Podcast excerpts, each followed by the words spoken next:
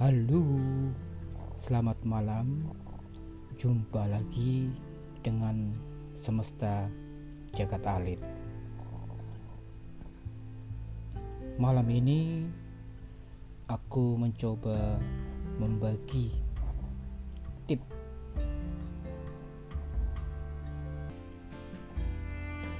jangan marah. Stop. Lakukan 3M sebelum marah. Marah adalah emosi yang paling tidak mengenakan. Bahkan di dalam agama termasuk amalan buruk yang dilarang. Marah adalah sumber segala malapetaka.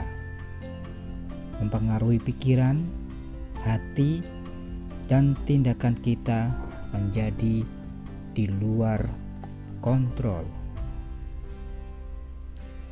Marah adalah bagian dari nafsu. Nafsu tidak akan bisa hilang.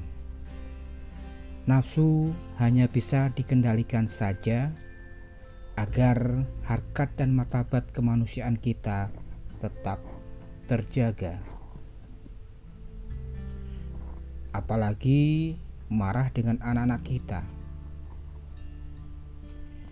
Jika marah datang menghampiri kita, lakukan 3M sebagai cara sederhana seperti di bawah ini.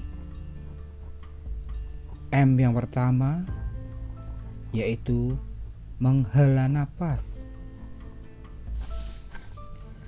Dalam rangka membenar, membesarkan dan mendidik anak, Rasa kecewa, rasa sedih, rasa marah tidak akan lepas dari keseharian kita. Perasaan mengharu biru dan membakar hangus hati ini akan selalu hadir dan menguji diri kita. Saat kemarahan datang, segeralah menghela nafas. Ambil nafas dalam-dalam dan buang nafas perlahan-lahan. Usahakan nafas yang diambil dan dibuang dilakukan dengan perlahan-lahan. Karena dengan cara ini akan mendorong kita menjadi tenang dan kembali berpikiran jernih.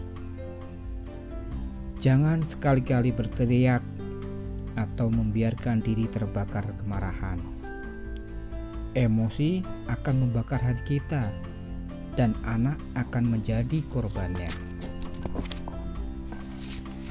Kelak, pengalaman ini akan membuat, membuat anak menjadi pemarah, penakut, atau malah menjadi pengecut dan selalu lari dari tanggung jawab.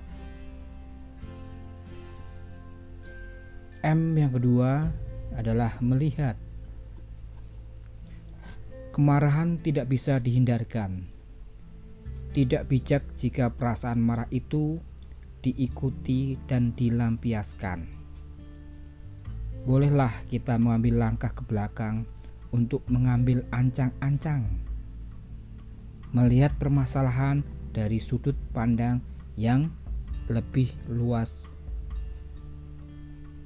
Dari sudut pandang yang berbeda melihat dan terpenting adalah kemudian menyadari bahwa semua harapan dan keinginan kita tidak selamanya semuanya akan bisa tercapai. Ada saat segala sesuatu meleset dari rencana dan harapan kita. Sebagai orang tua terhadap anak juga akan mengalami pasang surutnya harapan dan impian orang tua dan anak yang tidak selaras. Maka dibutuhkanlah kemampuan untuk melihat persoalan lebih jernih. Lihat situasi anak, lihat situasi Anda. Berapa banyak effort yang telah dilakukan untuk mencapai semua itu? Jangan marah, jangan stres, kita harus bisa berlaku fleksibel. dalam pikiran, perasaan, dan tindakan. Kedepankan kasih sayang untuk memahami semua ini. Insya Allah, anak akan belajar bersikap waspada, bijak, hati-hati dalam berpikir, bersikap, dan mengambil keputusan di masa mendatang. Untuk M yang ketiga adalah mulai. Yang terakhir, jika kemarahan sudah tidak terbendung, tapi Anda masih mempunyai satu kesempatan terakhir, yaitu memulai dari langkah terakhir. Anda harus berani memulai, menyadari bahwa apa yang Anda lakukan tidaklah akan selalu sempurna. Mulai melihat, mulai mendengar, mulai terus belajar memahami anak Anda. Mengapa mereka tidak mendengar perkataan Anda? Mengapa mereka tidak menuruti arahan Anda? Mengapa tujuan yang ditentukan gagal diraih? Dengan mendudukan permasalahan dalam batasan yang benar, maka Anda tidak akan ragu-ragu untuk mengubah tujuan atau mengubah cara pencapaian dengan metode baru, metode yang berbeda. Tujuan baru, harapan baru yang siap diraih kembali oleh anak Anda dalam pantauan dan kendali Anda. Demikianlah 3M yang harus dilakukan sebelum Anda marah.